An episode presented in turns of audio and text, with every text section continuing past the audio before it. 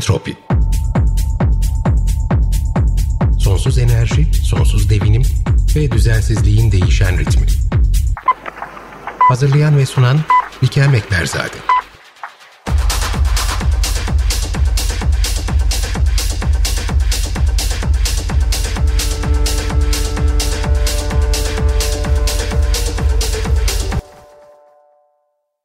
Sistemin parçalarından biri olduğumuzu idrak ettiğimiz gün onunla iddialaşmanın da ne kadar fuzuli olduğunu anlayacağız aslında. Az sonra bunu ve fazlasını konuğumuz Ordu Üniversitesi Fatsa Deniz Bilimleri Fakültesi öğretim üyelerinden Profesör Doktor Mehmet Aydın ile birlikte konuşacağız. Bugün günlerden 29 Kasım 2021. Entropi'ye hoş geldiniz. Mehmet Hocam hoş geldiniz. Siz Ordu Üniversitesi Faslı Deniz Bilimleri Fakültesi Balıkçılık Teknolojisi Mühendisliği'nde e, eğitim görevlisiniz. Aynı zamanda öğretim üyesi, öğretim üyesi olarak çalışmaktayım. Evet, öğretim üyesi olarak çalışmaktasınız. Evet. Çok teşekkür ederim düzeltmeniz için. Aynı zamanda siz sahayı da çok iyi tanıyan bir insansınız ve Karadeniz eksenli de e, gözlemlerinizi sürdürüyorsunuz. Ee, şimdi biz programın öncesinde biraz Karadeniz odaklı konuşuyorduk sizinle. Onu dinleyicilerimize aktarmanızı öncelikle rica edeceğim. Özellikle Karadeniz üzerindeki av baskısından bahsediyorduk ee, ve malum e, denizlerimiz zaten e, antropojenik etkilerle baskı altında, antropojenik tetiklenen iklim değişimiyle baskı altında. E, bunun yan etkileriyle mücadele ediyorlar. Bir de üstüne av biniyor. Tabii doğal olarak yani hepimiz balık yemekten hoşlanıyoruz ama sağlıklı bir besin olduğunu da biliyoruz ama Karadeniz'deki bizim yaklaşımımız Karadeniz'deki e, balık stoklarına ve oradaki popülasyonları nasıl etki ediyor? Sizden öncelikle bir onu dinleyebilir miyiz lütfen? Merhabalar. Şimdi dünya denizlerimizde normalde e, bir av baskısı var. Sadece bizim Karadeniz'de değil ama bizim Karadeniz'de biraz daha fazla baskı var işin gerçeği. Dünya denizlerinde de stoklar avcılıktan gelen miktar her geçen gün biraz da azalmakta.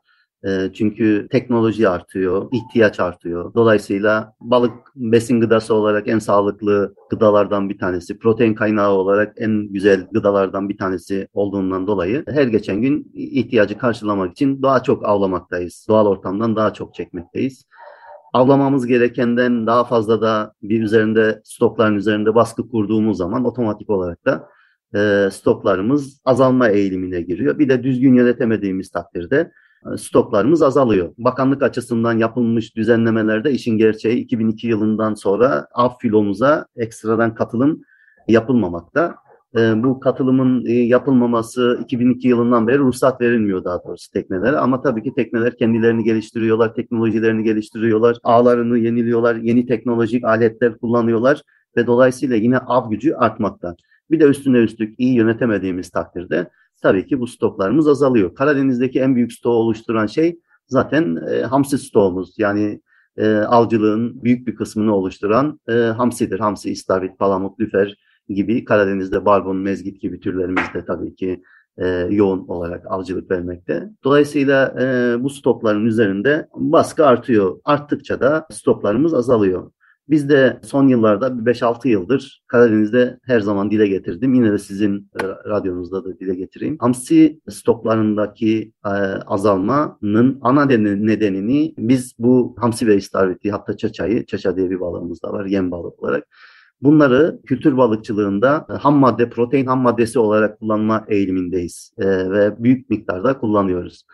Bu kapsamda da bizim komşularımızda, Karadeniz'in diğer komşularında işte e, özellikle Gürcistan'da, Abazya'da beş tane fabrika kurulmuş bizim teşebbüslerimiz tarafından ve büyük miktarda orada yani 100 bin ton civarında bir hamsi balık unu, balık yağı için e, avlanmakta. Ama bu avlanan balıklar çok küçük miktarda balıklar. Yani balıklar çok küçükken avlanıyor bunlar. Yani kipri çöpü büyüklüğünde ki hamsiler orada e, avlanıyor. Yani bir sene sonraki bizim hazır balığımız orada bir yıl öncesinde katlediliyor e, şeyde. Normal şartlarda o balığı orada yakalamasak 12 kat büyüyüp buraya gelecek. Yani biz 100 bin ton orada avladığımız balık aslında 100 bin ton değil. Yaklaşık 1.2 milyon ton balıktır orada katlettiğimiz balık.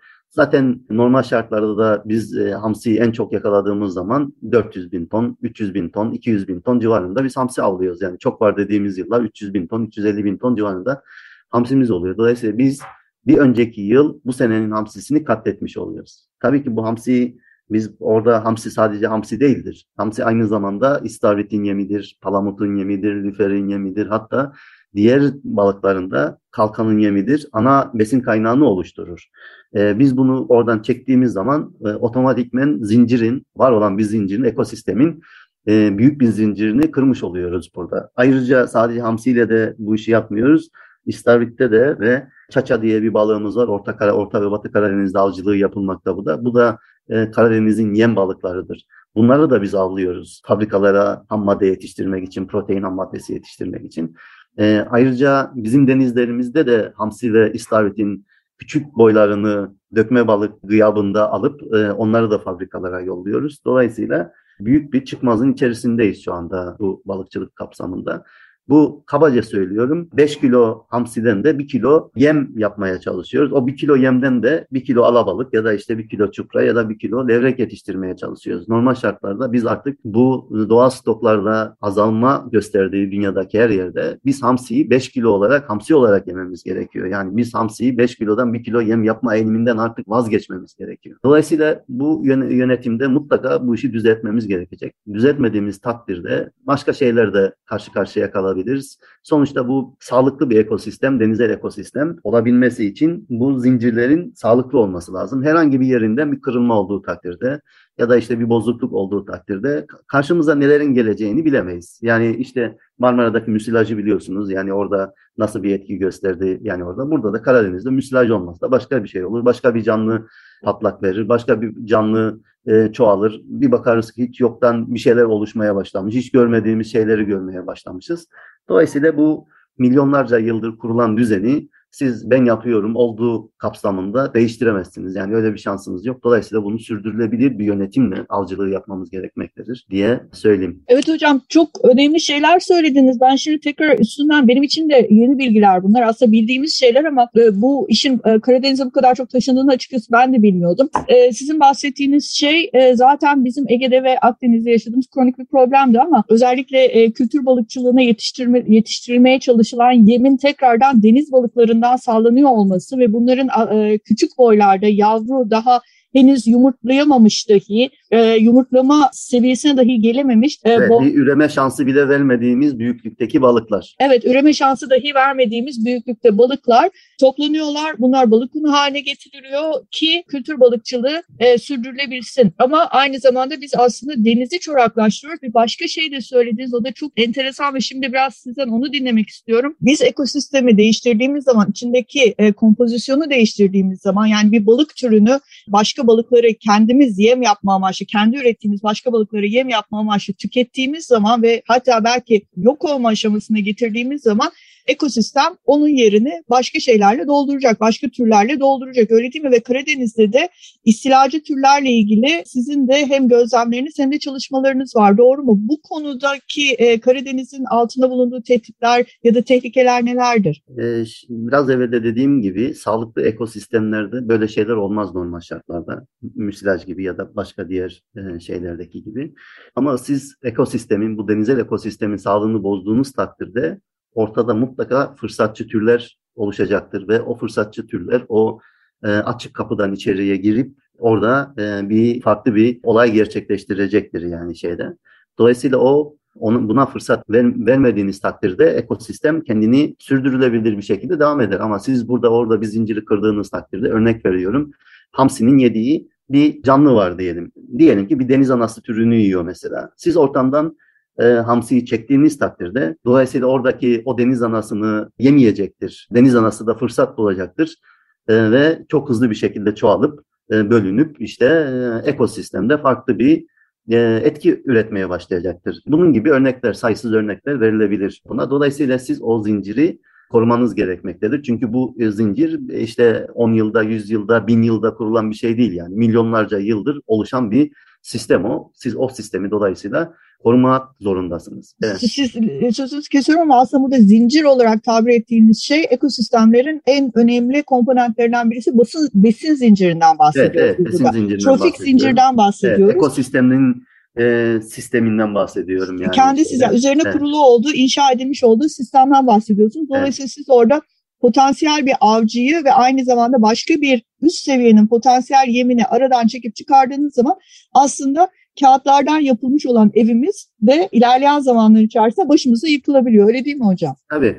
Yani bunun bir de zaten nüfusumuz artıyor. ihtiyaçlarımız artıyor veya kirletici unsurlarımız artıyor. Nüfusumuzun artmasıyla birlikte denizlerimizi çok fazla miktarda kirletmeye başlıyoruz. Denizlerimizi çöplük olarak kullanmaktan vazgeçmiyoruz nedense. Yine hala karşımıza felaketleri görmemize rağmen hala denizi bir kanalizasyon çukuru olarak kullanıyoruz. Bütün e, kanalizasyonlar, bütün e, toplama atık sular hepsi hala denize basılıyor ve büyük bir kısmı biyolojik arıtmadan geçmiyor. Dolayısıyla biz biyolojik arıtmadan geçirmeden biz bunu denize verdiğimiz takdirde tabii ki denizleri kirletmeye devam ediyoruz. Bu sadece kanalizasyon değil, yüzey sularıyla da çok fazla miktarda kirlilik geliyor. Karadeniz için söylemek gerekirse Karadeniz'de biliyorsunuz fındık ve çay tarımı yapılmakta yoğun olarak.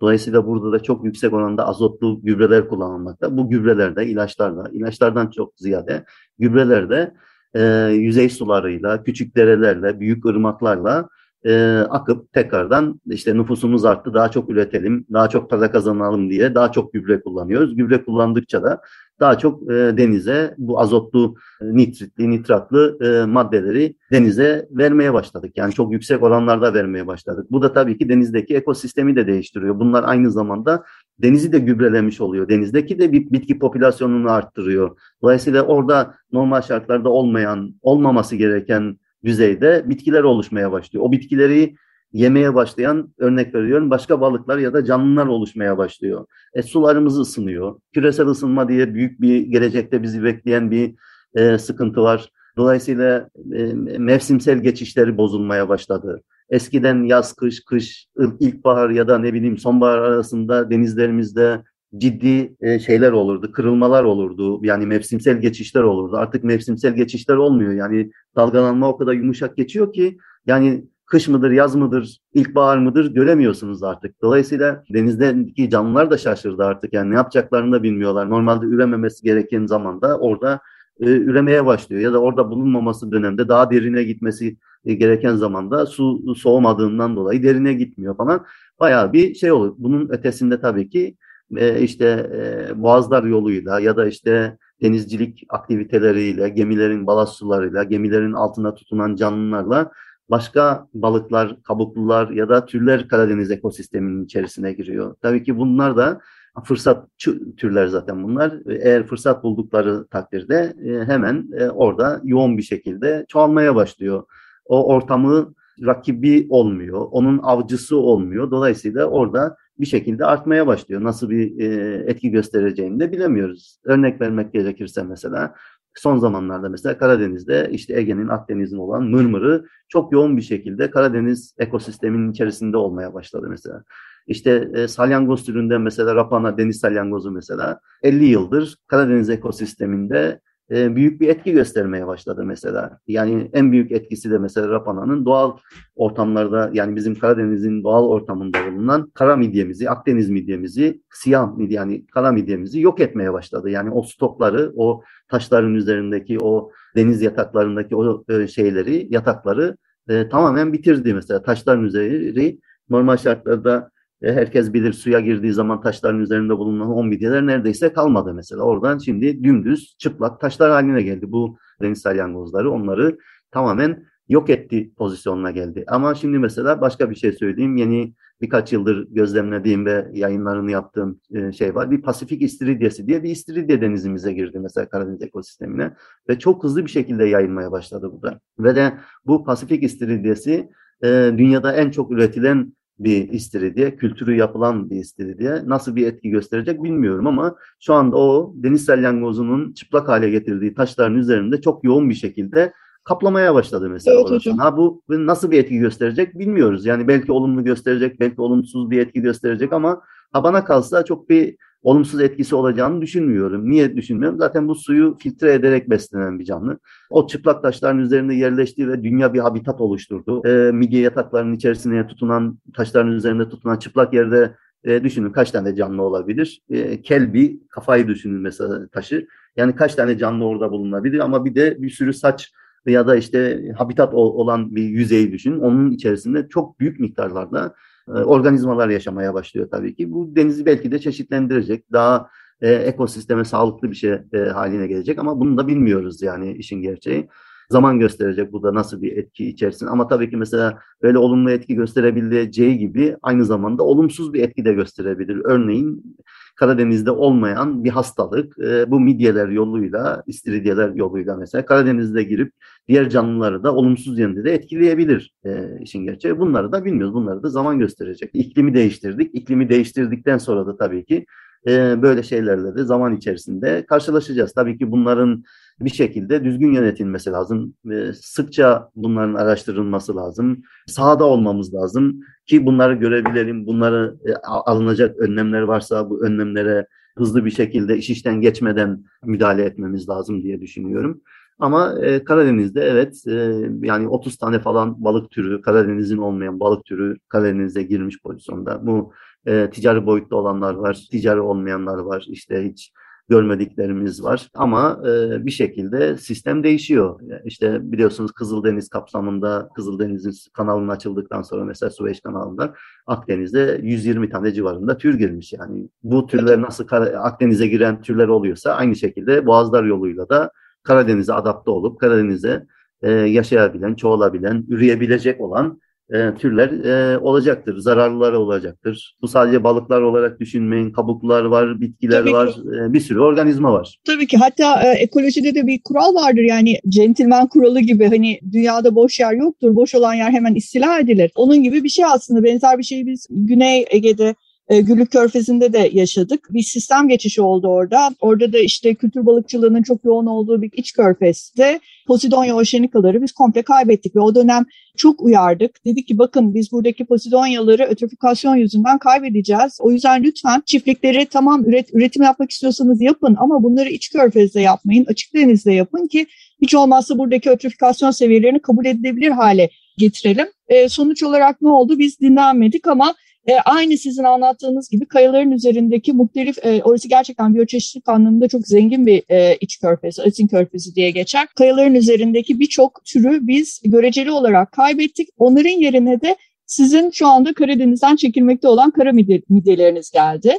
Ee, ve e, oradaki boş alanı çok hızlı bir şekilde kapattılar. Posidonyalar gitti. E, Posidonyalardan açı, açılan yerlerde sediment üzerinde e, onların arasında normalde yaşayabilen canlılar artık saklanamadıkları için yaşayamamaya başladılar. Körfeze giren daha büyük balıklar tarafından ya da deniz kaplumbağaları, karetalar tarafından gelmeye başladılar ve biz bunu e, nereden baksanız 10 senelik bir süreçte gün be gün izledik. Gerçekten bu tarz sistem de, e, geçişleri oldukça radikal olabiliyor. E, oradaki kompozisyonu çok hızlı bir şekilde değiştirebiliyor ve sizin de söylediğiniz gibi tanımadığımız onlara karşı nasıl tepki vermemiz gerektiğini bilmediğimiz türler bunların yerini alabiliyor. Şimdi bütün bunlardan konuşurken size konuşacak çok şeyimiz var ama vaktimiz az. Entrofinin sadece yarım saatlik bir dilimi var. Dolayısıyla ben biraz da size kültür balıkçılığı ile ilgili e, neler gözlemliyorsunuz, neler düşünüyorsunuz, neler yapılması gerekir onu sormak istiyorum son olarak hocam. Şimdi bir zaman e, yani burada kültür balıkçılığı da e, şu anda e, Türkiye'nin dünyada da böyledir. %50 %50 pozisyona geldik. Yani %50 avcılıktan e, ürün alıyoruz biz artık. %50'nin de üzerine çıktı artık. Kültür balıkçılığından faydalanıyoruz biz. Dolayısıyla şu andaki çok net bir şekilde de bunu söyleyebilirim. E, neredeyse yenebilecek en sağlıklı gıda balık ve deniz ürünleri. Dolayısıyla biz bunları bir şekilde elde etmemiz lazım ve kültür balıkçılığı da artacak. Evet artmaya da devam edecek. Yani bu doğal stoklarımız da azaldıkça kültür balıkçılığını da arttırmak zorundayız da yani bu da mutlaka artacak mesela. Karadeniz için konuşmak gerekirse mesela birkaç yıldır Türk somonu diye bir e, yine aynı gökkuşağı alabalığımız bu. Her zaman yemiş olduğumuz alabalık işin gerçeği bu. Gökkuşağı alabalığı. Bu gökkuşağı alabalığını daha da büyüterekten 3-5 kilonun üzerine çıkaraktan işte Türk somonu dedik ve Türk somonu olarak piyasaya sürdük ve piyasada gerçekten çok güzel tutundu. Ben de çok severek tüketiyorum işin gerçeği. Ama onda da bir şey söyleyeyim. Yani çok şu anda yanlış hatırlamıyorsam 18 bin ton civarında bir üretim yapılıyor. 100 bin ton civarına çıkma hedefleri var. Ama büyük bir kısmını yurt dışına satıyoruz biz. Yani e, ülke içerisinde yüzde iki mi, yüzde üç mü o civarda bir şey tüketiliyor galiba. Böyle güzel bir şey işin gerçeği bizim tüketmemiz lazım. Dolayısıyla en sağlıklı e, gıda balık olduğuna göre yani deniz ürünleri olduğundan dolayı bunlar biz üretmemiz lazım yine ama bunun bir şekilde yolunu bulmamız lazım. İlk bölümde de söylediğim gibi ama bunu denizdeki hamsiden, çaçadan, istavritin bunların yavrularından, küçük boylarından bunları fabrikalarda un ve yağ haline getirerek protein ihtiyaçlarımızı karşılamaktan vazgeçmemiz lazım. Bu kültür balıkçılığı artık kendine alternatif protein ham maddesi bulmak zorundadır. Yani bu denizlerimizden biz bunları çekerek bu iş olmaz. Yani siz hamsiyi çek, sadece dediğim gibi hamsiyi çekmiyorsunuz ya da çaçayı istavrit'i. Tamamen ekosistemi bozuyorsunuz. O dengeyi bozuyorsunuz. Yani ekosistemdeki o dizilişi bozuyorsunuz. O yürüyen sistemi bozuyorsunuz. Ama dediğim gibi kültür balıkçılığı devam edecek. Ne yapabilir mesela? Yani yine dünyada çalışılıyor bu mesela protein kaynağından işte örnek veriyorum çekirgelerden çekirge üretiyorlar mesela onlardan protein ham maddesi olarak onu kullanıyorlar. Ya da işte bazı böcek türlerinin işte larval pozisyonları olabilir ya da kendileri olabilir. Bunları üreterekten mesela.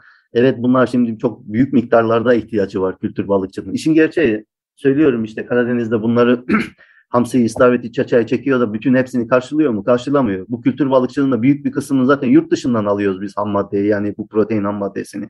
Çok büyük bir miktar değil yani Karadeniz'den karşılanan bu ham madde yani şeyde ama tabii ki hiç almamamız lazım normal şartlarda bunu. Hatta başka da bir şey söyleyeyim. Eğer bunu gerçekten hamsi, istavriti ya da çaçayı e, biz ham madde olarak kullanacaksak büyük boylarını kullanalım hiç olmasa ya. Niye 12 kat daha küçüğünü katlediyoruz biz yani. Eğer yapacaksak büyüğün. Ama bence kesinlikle bunu hamsi olarak tüketmemiz lazım. Yani e, yem olarak yapmamamız lazım. Ama kesinlikle ve kesinlikle kültür balıkçılığı devam etmek zorundadır. İhtiyacımız var. Ona da ihtiyacımız var. Ama tabii ki bunun da bir kirletmiyor işte denizlerimizde zararı yok. Bu da yalan. Yani denizlerimizi de kirletiyor. Evet e, çünkü çok yoğun bir üretim yapılıyor bu sistemlerde. Yoğun üretilince tabii ki e, atmış olduğumuz yem balıklar bir kısmını yiyemiyor, tabana gidiyor. Bir kısmını yiyor, sindiremiyor dışkıyla atılıyor. Bir kısmı e, dışkı çok yoğun olduğundan da bir sürü dışkılama yapılıyor ve deniz tabanında ciddi oranda da bir ekosistemi olumsuz yönde etkileyen bir şey oluyor. Ama Karadeniz'in bir artısı var bu kapsamda da. Çünkü bir 5-6 ay e, denizde bırakmıyorlar bunları. İç, iç suya alıyorlar çünkü e, Karadeniz ısınınca toplu ölümler oluyor. Dolayısıyla yani o kafes bölgeleri de belli bir e, dinlenme evreleri var. Dolayısıyla denizde o zaman da kendini yeniliyor. Böyle bir avantajı da var. Çupra levrek gibi değil mesela e, bu kapsamda. Dolayısıyla bu da artı yönümüz. Evet yapmamız lazım. Evet üretmemiz lazım. Evet biraz daha uzakta üretmemiz lazım. Kıyısal zondan biraz daha uzağa gitmemiz lazım. Kıyıya paralel olarak geliştirmek yerine kıyıya daha e, dik yönde uzaklaşarak kafeslerimizi artık balıkçılığımızı yapmamız gerekiyor. Ve dediğim gibi ham madde hamsi istavrit çaçadan uzaklaşmamız lazım. Alternatif ham maddeler üretmemiz lazım. Nasıl yapacağız bilmiyorum.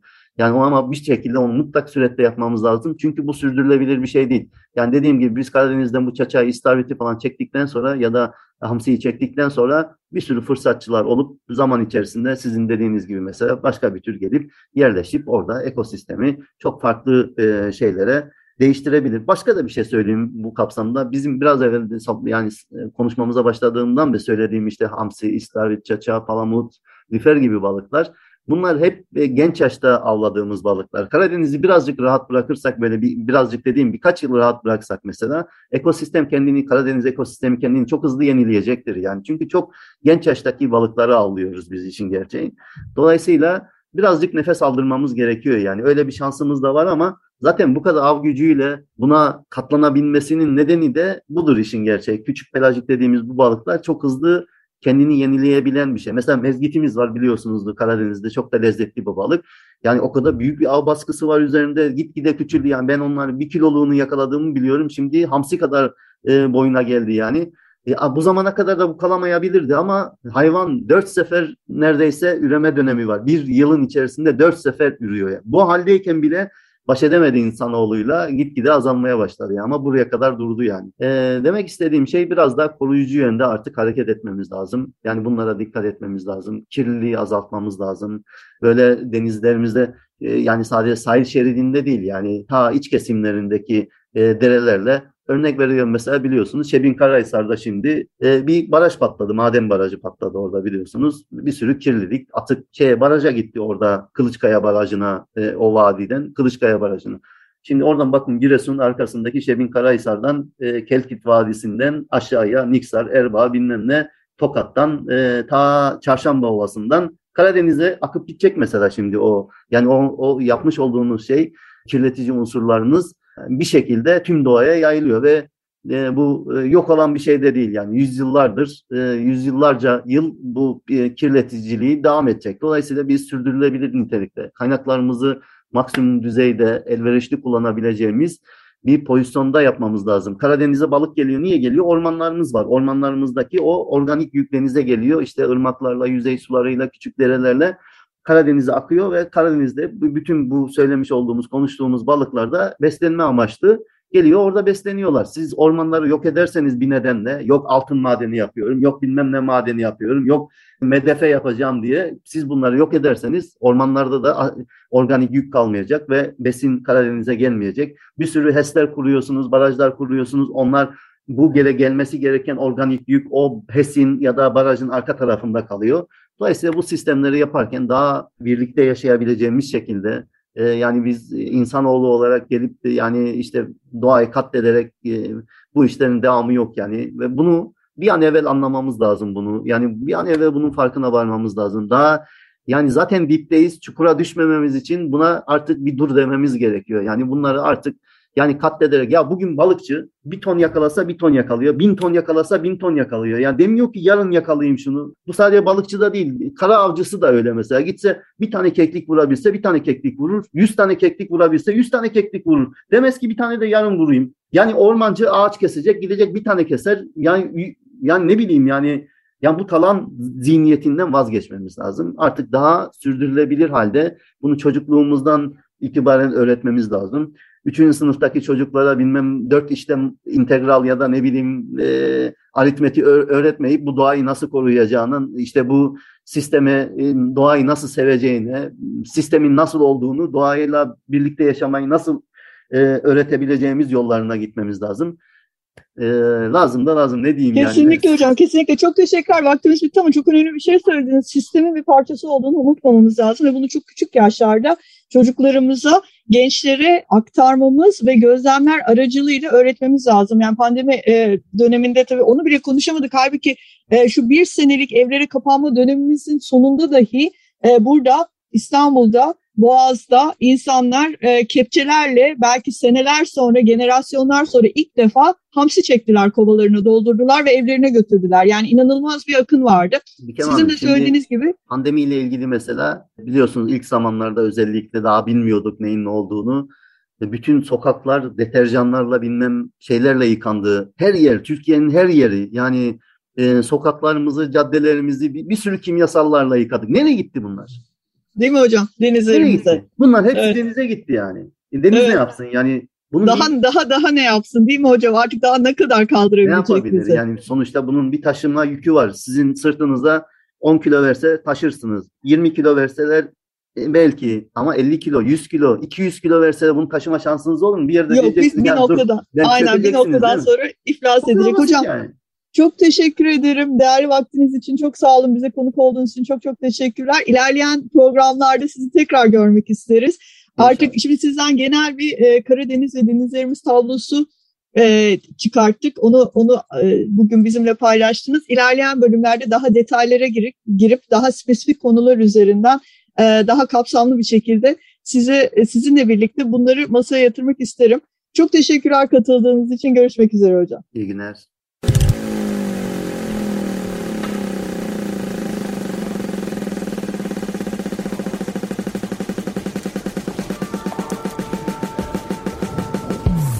Entropi Sonsuz enerji, sonsuz devinim ve düzensizliğin değişen ritmi. Hazırlayan ve sunan Bikem Ekberzade.